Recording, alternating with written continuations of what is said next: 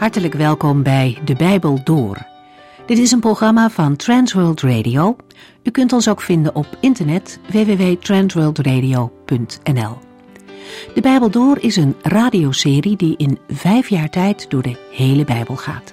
Van Genesis tot Openbaring, van kaft tot kaft.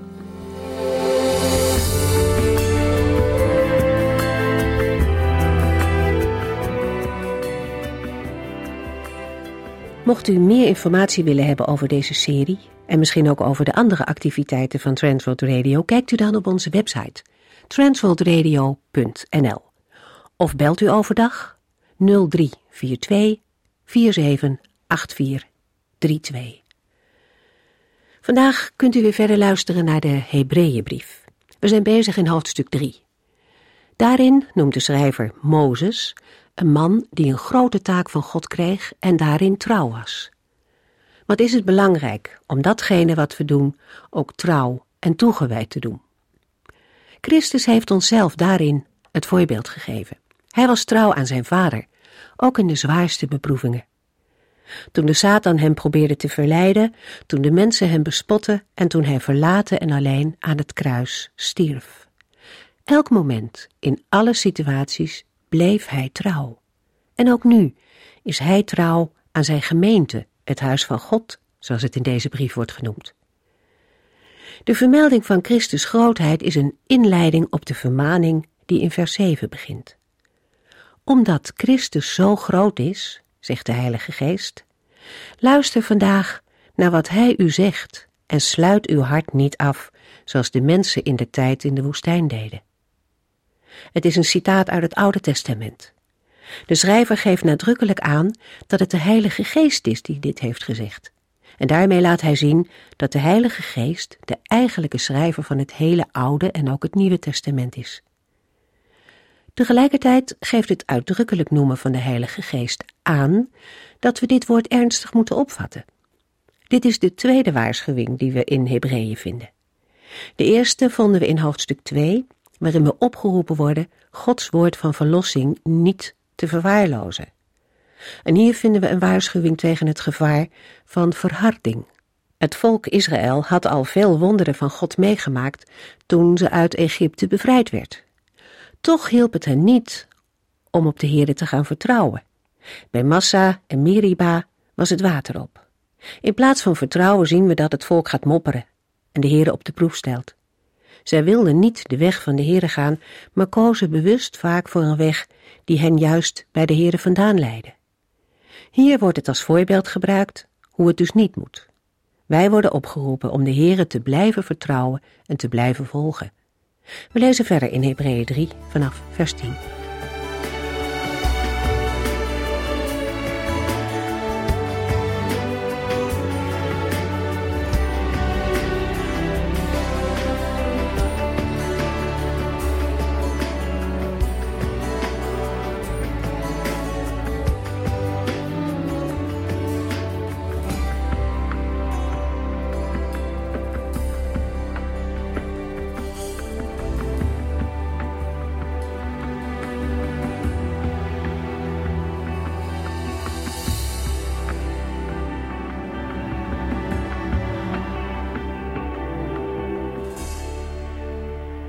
In de vorige uitzendingen over Hebreeën hebben we al gezien dat Christus meer is dan de profeten, meer dan de engelen en meer dan Mozes.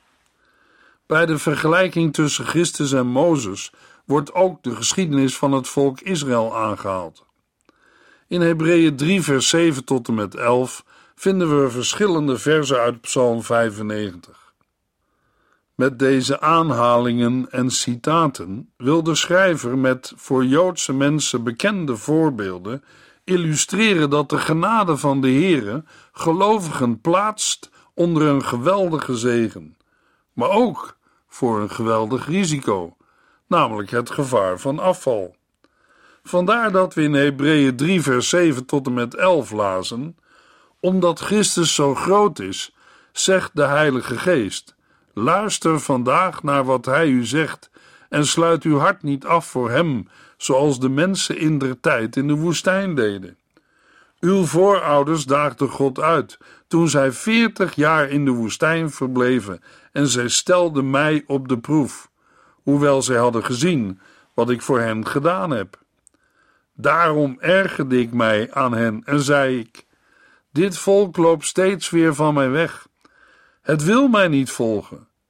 Daarom heb ik in mijn toorn gezworen dat zij geen rust bij mij zouden vinden. Over de woestijnreis hebben we in de vorige uitzending gelezen en gesproken. De rust van God is een geliefdkoosd onderwerp van de schrijver van Hebreeën. Canaan, het beloofde land, was Gods rust. Waarom? Omdat de Heere er wonen zou in zijn heiligdom, in zijn stad Jeruzalem, in de tempel. Met Colossense 2 mogen we de lijnen doortrekken naar Christus. We lezen in Colossense 2 vers 9, want in hem woont het hele wezen van God in een lichamelijke gestalte. In Christus bent u dus volmaakt, want hij is de hoogste heerser en autoriteit over elke andere macht. Het is voor de Hebreeën en ook voor ons een prachtig perspectief. Juist als het moeilijk is, als terugval en verwijdering van de Here dreigen, is het goed om te weten dat Christus de hoogste heerser en autoriteit is. Jezus Christus heeft de gestalte van een dienaar aangenomen en hem is gegeven alle macht in hemel en op aarde. Deze nu nog verborgen dingen maken het leven van een gelovige niet gemakkelijk. Niet zien en toch geloven is voor een gelovige niet altijd gemakkelijk in praktijk te brengen. Vanuit vers 8 klinkt de vermaning aan de gelovigen hun hart niet af te sluiten voor de Here. Met andere woorden, zich niet te verharden en geen bitterheid toe te laten. Bij verharding van het hart moeten we denken aan de keuze en de daarop volgende houding om niet meer naar God spreken en naar zijn woord te luisteren. Het gevolg is ongeloof en ongehoorzaamheid. Over de rust voor Gods volk en kinderen gaan we nog uitgebreid lezen in Hebreeën 4, maar ik lees er nu alvast een stukje uit voor. Hebreeën 4, vers 1 tot en met 11. Hoewel Gods belofte nog altijd geldt, de belofte dat God ons allen in zijn rust op zal nemen, moeten wij ervoor zorgen dat niet sommigen de indruk zouden wekken er geen deel aan te hebben. Want dit goede nieuws heeft ons net zo bereikt als de mensen in de tijd van Mozes. Maar zij hebben er niets aan gehad, omdat zij het niet geloofden. Want alleen als wij God geloven, kunnen wij deel krijgen aan zijn rust. Hij heeft immers gezegd: In mijn toorn heb ik gezworen dat zij geen rust bij mij zouden vinden. Toch ligt Gods plan om hun die rust te geven al klaar vanaf het begin van de wereld. Dat weten wij, omdat er in de boeken staat dat God op de zevende dag uitrustte. Alles wat hij wilde maken was klaar. Toch kwamen de Israëlieten er niet, want God zei tenslotte: Zij zullen bij mij geen rust vinden. Maar de belofte is niet ingetrokken. Daarom komen sommigen er wel, al zijn dat niet de mensen die het eerst de kans kregen, want die waren God ongehoorzaam. Maar God heeft de mensen een nieuwe kans gegeven om deel te krijgen aan zijn rust, en die kans is er nu. Hij heeft dat door de mond van David al aangekondigd met de eerder genoemde woorden: Luister nu naar wat hij u zegt en sluit uw hart niet af voor hem. Jozua heeft het volk niet in deze rust gebracht. Als dat zo was, zou God niet veel later hebben gezegd dat het nu de tijd is om deel te krijgen aan die rust. Er wacht het volk van God dus nog altijd een zuivere, volkomen rust. Wie door geloof die rust ervaart, rust uit van zijn eigen werk, net als God. Laten wij ons best doen deel te krijgen aan die rust.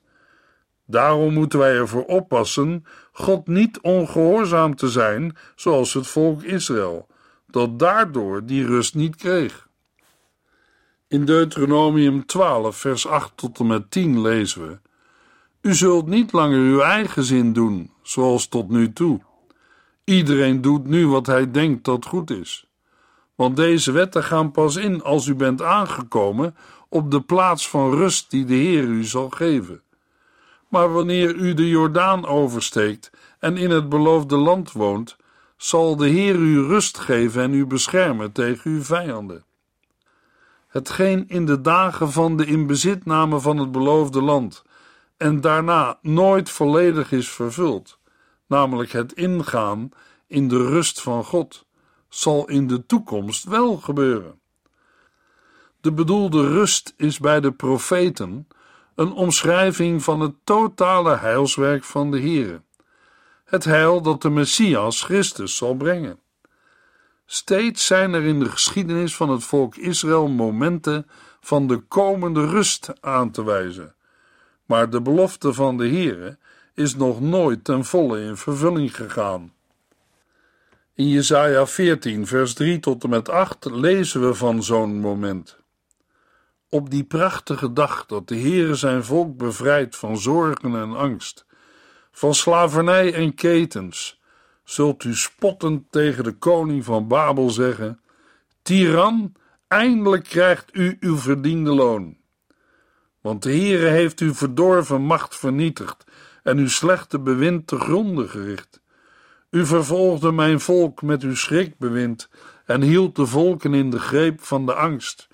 U ontketende een meedogenloze vervolging. Maar nu is er vrede en rust in de hele wereld. Overal heerst uitbundige vreugde. Zelfs de bomen van het bos, de cipressen en ceders van de Libanon zingen dit blijde lied. Uw macht is gebroken. Niemand zal ons nu nog omhakken. Eindelijk hebben wij rust. Ook in Jesaja 32 lezen we over de vrede voor het volk van God. Nadat de dag van rust is aangekondigd, na de verwoesting die zal volgen, lezen we in Jesaja 32, vers 14 tot en met 20. Paleizen zullen leeg zijn, de drukke steden verlaten. Kudden wilde ezels en geiten zullen grazen op de berghellingen, waar nu nog de uitkijktorens staan, totdat tenslotte de geest vanuit de hoge over ons wordt uitgegoten.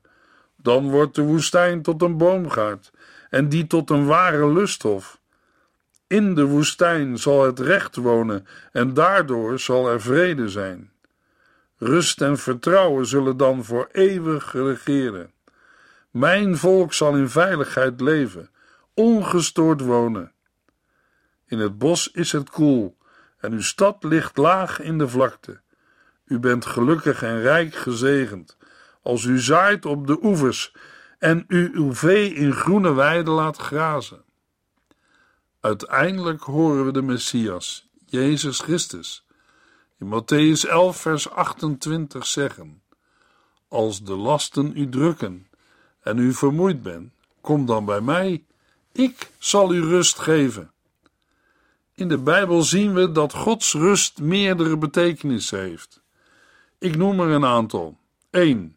De zevende dag van de scheppingsweek en de wekelijkse sabbat herinneren aan het rusten van de Heere. 2. In het beloofde land Canaan zou Israël rust vinden. 3. De echte rust, de vrede met God, is er dankzij de relatie van een gelovige met de Heer Jezus Christus door het geloof. En 4. De volle rust, het toekomstige eeuwige leven bij Christus, verwacht een gelovige en het volk van God bij de wederkomst van Christus. Al deze betekenissen waren bekend bij de gelovige Joodse lezers van het Bijbelboek Hebreeën. Daarom worden zij, maar ook wij, steeds weer gewaarschuwd dat wij het hart niet mogen verharden. Als ons hart zich verhardt, dan stellen wij ons zodanig op tegenover de Heere dat wij op de duur niet meer tot Hem kunnen komen om gered te worden.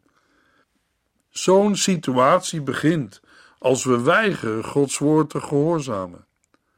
De Israëlieten verhardden hun hart toen ze ongehoorzaam waren aan Gods bevel om het beloofde land in te nemen. In het Bijbelboek Hebreeën worden meerdere voorbeelden aangehaald. Luisteraar, laten wij door Gods Heilige Geest toezien op onszelf en elkaar, opdat wij niet ongehoorzaam worden aan de Here en daardoor de rust van de Here niet zullen krijgen. Hebreeën 3, vers 12. Pas er dus voor op, broeders en zusters, dat geen van u slecht en ongelovig wordt, doordat hij zich in zijn hart van de levende God afkeert. Na de aanhalingen en citaten uit Psalm 95 volgt in vers 12 de eigenlijke vermaning. Het is een voortzetting van de woorden in vers 7b, namelijk van de woorden: Luister vandaag naar wat hij u zegt.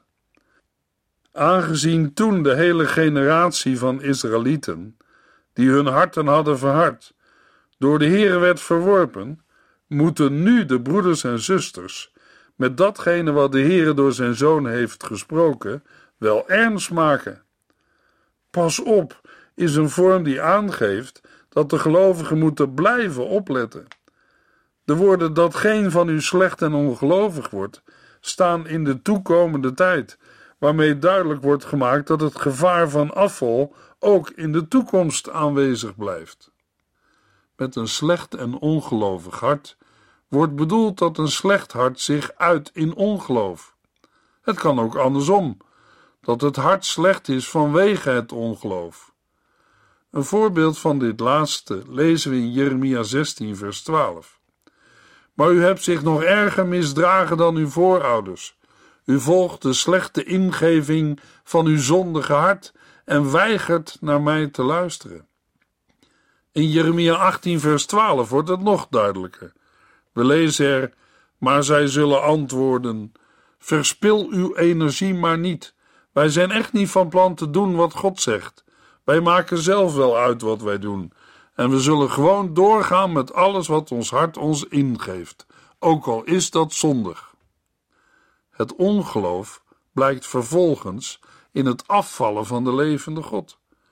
Daarbij moeten we niet denken aan een afval tot atheïsme, maar aan een terugval in het oude leven, bijvoorbeeld aan een terugval in de gebruiken en wetten van het oude verbond, de wetten van Mozes. De schrijver van Hebreeën wijst zijn lezers er voortdurend op dat de Heer het oude verbond van de wet voor verouderd heeft verklaard en vervangen door een nieuw verbond door het geloof in Christus.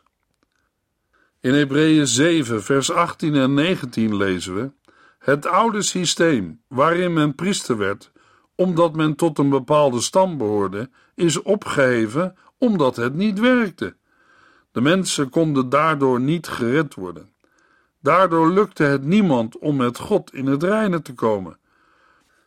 Maar nu hebben wij een veel betere hoop, want Christus maakt het voor ons met God in orde, zodat wij bij Hem mogen komen. In Hebreeën 8, vers 7 tot en met 13 lezen we: Aan het oude verbond mankeerde nogal wat. Als dat anders was geweest, zou er geen nieuw voor in de plaats gekomen zijn. Maar God berispt het volk met de woorden: Er komt een tijd dat ik een nieuw verbond met het volk van Israël en het volk van Juda zal sluiten. Het zal een ander verbond zijn dan dat ik met hun voorouders sloot op de dag dat ik hen uit Egypte leidde. Want zij hielden zich niet aan het verbond, zodat ik hun de rug heb toegekeerd. Dit is het nieuwe verbond dat ik met het volk van Israël sluit. Ik zal mijn wetten in hun gedachten schrijven en in hun hart. Ik zal hun God zijn en zij zullen mijn volk zijn. Niemand zal tegen zijn vriend, broer of buurman hoeven zeggen: Jij moet de Heer ook leren kennen. Want van klein tot groot zal iedereen mij kennen. Ik zal hun overtredingen vergeven en niet meer aan hun zonden denken. Als God het over een nieuw verbond heeft, wil hij daarmee zeggen dat het eerste verouderd is. En alles wat oud en versleten is, wordt vroeg of laat afgedankt. Ook in Hebreeën 9, vers 10 en 15 lezen we dezelfde dingen. In vers 9 en 10 gaat het over de oud-testamentische offers. Zij konden het geweten van de mensen toch niet zuiveren. Het ging alleen om bepaalde gebruiken. Wat men wel en niet mocht eten en drinken, waarom en hoe men zich moest wassen. De mensen moesten zich eraan houden, zolang Christus nog niet met Gods nieuwe, betere verbond was gekomen. En in Hebreeën 9, vers 15 lezen we over Christus. Hij heeft ervoor gezorgd dat er een nieuw verbond kwam, zodat iedereen mag komen om te genieten van de rijkdom die God beloofd heeft. Christus is gestorven om hen te redden van de straf die zij verdienden door de zonde die zij onder het oude verbond hebben gedaan. In Hebreeën 10 vers 9 lezen we nog een keer dat de Heer het oude verbond heeft vervangen door een nieuw verbond. En in Hebreeën 12 vers 27 wordt gezegd dat alles wat niet aan het wankelen gebracht kan worden, zal blijven. En wat blijft zijn Gods woorden en beloften. Ze zijn immers ja en amen in Jezus Christus, tot in eeuwigheid. Een terugkeer tot het oude verbond zou een afwijzing inhouden van de genade die de gelovigen door het lijden van de Heer Jezus Christus hebben ontvangen. Zo'n afwijzing van Gods genade mag inderdaad gezien worden als afval van de Heere, de levende God van Israël. De Heer wordt in vers 12 de levende God genoemd, een benaming die we vaker tegenkomen in het Bijbelboek Hebreeën. Meestal dient deze benaming om het contrast aan te geven tussen de levende Heere, de schepper van hemel en aarde, die handelt in de geschiedenis, en de dode afgoden. Bijvoorbeeld in Jeremia 10 vers 10 lezen we, maar de Heere is de enige ware God, de levende God, de eeuwige koning. De hele aarde beeft voor zijn troon, waartegen geen volk bestand is.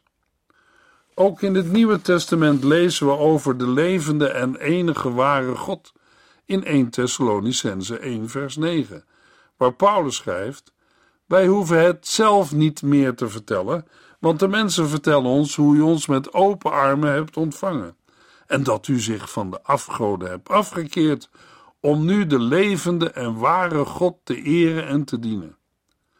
Maar binnen onze context zullen we bij de levende God eerder moeten denken aan de bekrachtiging van de eed van de Heer, zoals we die vinden in de Hebreeuwse tekst van nummer 14, vers 21 en 28, waar de Heer zegt: Zo waar ik leef, zij zullen geen rust bij mij vinden. In dat geval gaat het om een waarschuwing en moeten de lezers en ook wij de werkelijkheid van de woorden uit Hebreeën 10, vers 31 onder ogen zien. Het is verschrikkelijk om in de handen te vallen van de levende God. Luisteraar, vandaag is nog een dag dat u de Heere kunt vragen of u en jij in de genadige handen van Christus mogen vallen. Hebreeën 3, vers 13. U moet hier elke dag met elkaar over spreken nu er nog de tijd voor is, want niemand van u mag zich door de betovering van de zonde laten verharden, zodat hij niet meer naar God luistert. Als er sprake is van een echte band met elkaar, waarbinnen gelovigen elkaar aansporen en vermanen, is de kans gering dat iemand afvalt of zich verhardt. In Hebreeën 10, vers 24 en 25 lezen we de aansporing wij moeten ook niet uit onze samenkomsten wegblijven. Sommigen maken daar een gewoonte van, maar dat is niet goed. Wij moeten elkaar bemoedigen en waarschuwen, vooral nu wij zien dat het niet lang meer zal duren voor de Heer Jezus terugkomt. Bij met elkaar over spreken gaat het niet alleen om het negatieve vermanen, zonde aanwijzen en afwijzen, maar ook om het positief aansporen en bemoedigen de woorden elke dag laten zien dat het om een dagelijkse opdracht gaat. Van gelovigen wordt verwacht dat zij in Christus een warme geloofgemeenschap met elkaar vormen en, hoe verschillend zij ook zijn, samen een eenheid vormen. Met nu er nog de tijd voor is, grijpt de schrijver van Hebreeën terug naar het luister vandaag naar wat hij u zegt. Het vandaag omvat de tijd waarin de Heere spreekt door de verkondiging van het evangelie van Jezus Christus, de tijd van de genade. Het vandaag of heden wordt afgesloten door het einde. En dat is de dag van de wederkomst van Christus, die steeds dichterbij komt. De woorden de betovering van de zonde stellen de zonde voor als een macht. Een macht die door middel van list en bedrog mensen een rad voor ogen wil draaien, om hen te misleiden en te verlokken tot dingen die de Heere niet wil. Jacobus schrijft in hoofdstuk 1, vers 15: De slechte verlangens waar u aan toegeeft, brengen u tot zonde, en als de zonde volgroeid is, brengt die de dood voort. Kortom, wie eraan toegeeft, zal na kortere of langere tijd in zijn geweten worden verhard en niet meer in staat zijn de stem van de Heere te horen. Het is mogelijk dat met de betovering van de zonde de verleiding en de druk wordt bedoeld die op de gelovigen wordt uitgeoefend om terug te keren tot de inzettingen van het oude verbond, de wetten van Mozes. Tegen deze verleiding moeten de gelovigen weerstand bieden, zelfs als dat vervolging betekent. De schrijver van Hebreeën gaat in zijn betoog terug naar de woestijnervaringen van Israël, past het toe op de Joodse gelovigen van de eerste eeuw hij geeft hen en ons de boodschap mee om vol te houden en niet op te geven. Hebreeën 3, vers 14 en 15. Als wij Christus van het begin tot het einde trouw blijven, delen wij in alles wat Hij heeft. Maar dat geldt al voor nu. Vergeet nooit deze waarschuwing. Luister vandaag naar wat Hij u zegt en sluit uw hart niet af voor Hem, zoals de mensen in de tijd deden. In de volgende uitzending lezen we daarover meer in Hebreeën 3.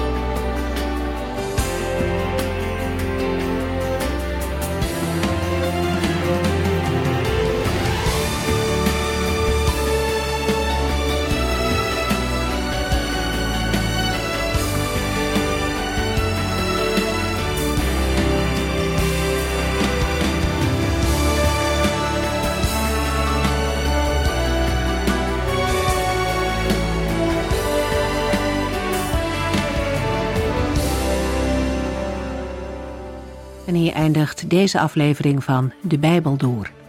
Een serie programma's van Transworld Radio. Wilt u ons iets vragen of meer weten? Dan kunt u altijd contact met ons opnemen. Bellen kan overdag met 0342 478432. Per post Transworld Radio. Postbus 371. Postcode 3770. Anton Johannes in Barneveld. En e-mailen kan ook. De Bijbel door at transworldradio.nl En natuurlijk ook via onze website transworldradio.nl Dit programma werd gepresenteerd door Cor Weda en Ike André. En namens iedereen die er nog meer aan meegewerkt heeft, graag tot de volgende keer.